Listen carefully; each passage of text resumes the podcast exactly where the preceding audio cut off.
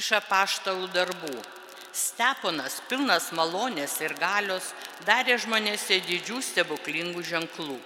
Tuomet pakilo kai kurie iš vadinamosios libertinų sinagogos, iš kireniečių, aleksandriečių ir iš Kilikijos bei Azijos ir mėgino ginčyti su Steponu.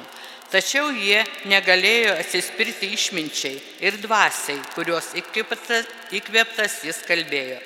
Tada jie papirko keletą vyrų, kas sakytų girdėję Steponą, Steponą piknaudžiaujant Mozei ir Dievui. Pikžodžiaujant Mozei ir Dievui. Tuo būdu jie sukurstė liaudį, jos seniūnus ir rašto aiškintojus. Trifikoje sučiupo jį ir nusivedė į aukščiausiojo teismo tarybą.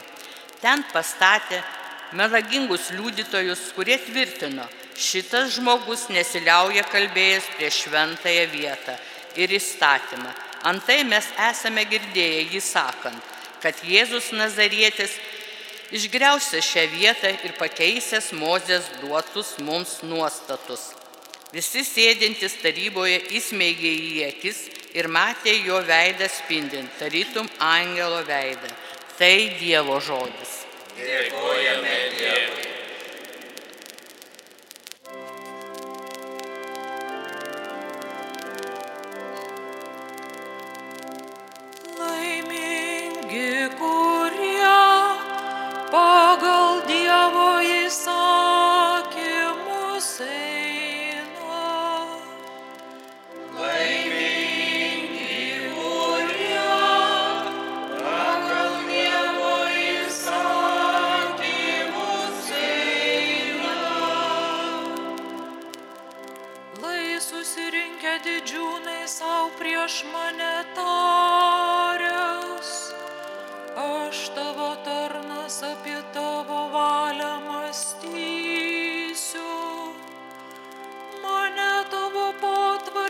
Žavi, visi tavo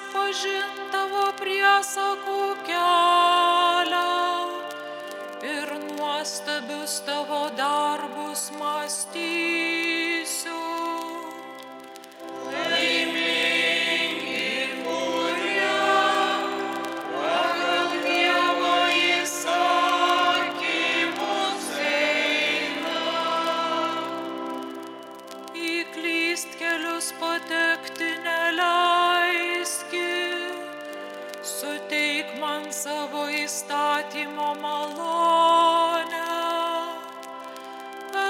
Pasiryžęs tiesos kelio laikytis,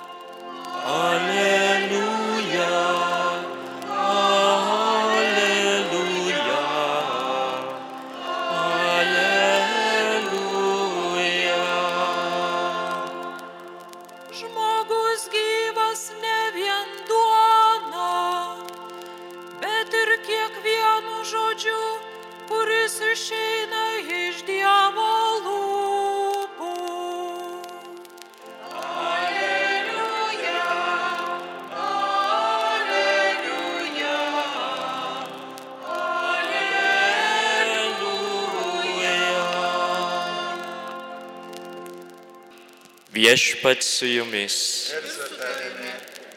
iš Ventosos Evangelijos pagal Joną.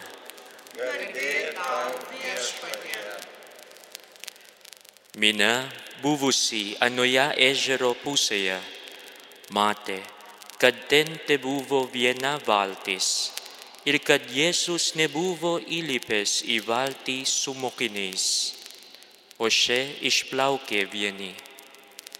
Rytojaus dieną iš Tiberiados atplaukė kitų valčių ir sustojo netoli vietos, kur žmonės buvo valgę Jėzaus palaimintos duonos.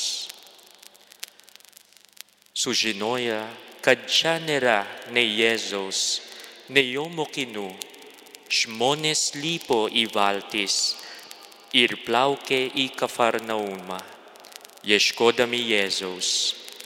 Suradę jį kitapus ežero, jie klausinėjo, Rabi, kada suspėjai čionai atvykti? O Jėzus prabilo į juos. Iš tiesų, iš tiesų, sakau jums, jūs ieškote manęs ne todėl, kad esate matę stebuklų, bet kad prisivalgėte duonos iki soties. Lušekite ne dėl siūvančio maisto, bet dėl išliekančio amžinajam gyvenimui. Jo duos jums žmogaus sunus, kurį tėvas, Dievas savo anspaudų yra pažymėjęs. Jie paklausė, ką mums veikti, kad darytume Dievo darbus. Jėzus atsakė, tai ir bus Dievo darbas. Tikėkite tą, kurį jis siuntė.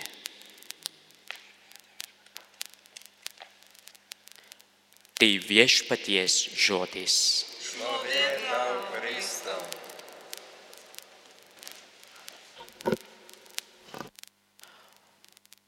Plušekite ne dėl suvančio maisto, bet dėl išliekančio amžinajam gyvenimui. Brangus broliai ir seserys, brangus Marijos radio klausytojai, šeštajame Evangelijos pagal Joną skyriuje Jėzus kalba apie gyvybės duoną. Jėzus yra gyvybės duona. Jis primena mums apie maisto svarbą mūsų gyvenime. Maistas mus maitina. Jis mus palaiko, kad galėtume dirbti. Ir dirbame tam, kad turėtume maisto. Maistas yra pagrindinis žmogaus gyvybinis poreikis. Brangus broliai ir seserys, Dievas taip sukūrė pasaulį, kad visi turėtų maisto. Ir vis dėlto dėl nuodėmės badas išlieka viena didžiausia mūsų problemų. Žmonės alkani ne todėl, kad nepakanka maisto, o dėl godumo ir nejautrumo. Prisimenu, kai buvau vaikas, mane mokė visada viską suvalgyti, nes kiekvienas maisto gabalėlis pagamintas sunkiai dirbant, o maisto švaistimas yra neteisybė prieš tuos, kurie jos tokoja. Tiek maisto išvaistoma kasdien, tiek žmonių miršta iš bado. Jėzus kviečia mus ne tik dirbti dėl maisto, kuris ges, kaip ir kasdien švaistomas, bet ir dėl maisto, kuris ves į amžinai gyvenimą. Tas maistas yra pats Kristus. Kiekvieną kartą, kai švenčiame Eucharistiją ir priimame Kristaus kūną, esame maitinami Kristaus kad galėtume maity, matyti taip, kaip jis mato, jausti, kaip jis jaučia, veikti taip, kaip jis veikia. Maistas, kurį gauname per Eucharistiją, turėtų padaryti mus labiau gailestingesnius savo broliams ir seserims, kurie alksta ne tik fizinio maisto, bet ir dvasinio globos ir atjautos maisto. Daugelis žmonių yra alkani, kai kurie alksta fizinio maisto, bet daug daugiau alksta dvasinio maisto. Kiekvieną kartą, kai mėgaujamės maistu, dėkojame Dievui už gautas dovanas. Melskimės už tuos, kurie dirbo ir pagamino maistą, kurį valgome. Prisiminkime tuos, kurie neturi ką valgyti ir padarykime gerą darbą, atnešdami jiems maisto, ne tik fizinio maisto, bet ir Kristaus gyvybės duonos. Brangus broliai seserys, tegul Marija, kurie šiandien 24 mėnesio diena prisiminame kaip krikščionių pagalba ir šventasis Adalbertas visada mus veda prie Jėzaus stalo, kur gauname amžinojo gyvenimo duoną Jėzų Kristų. Amen.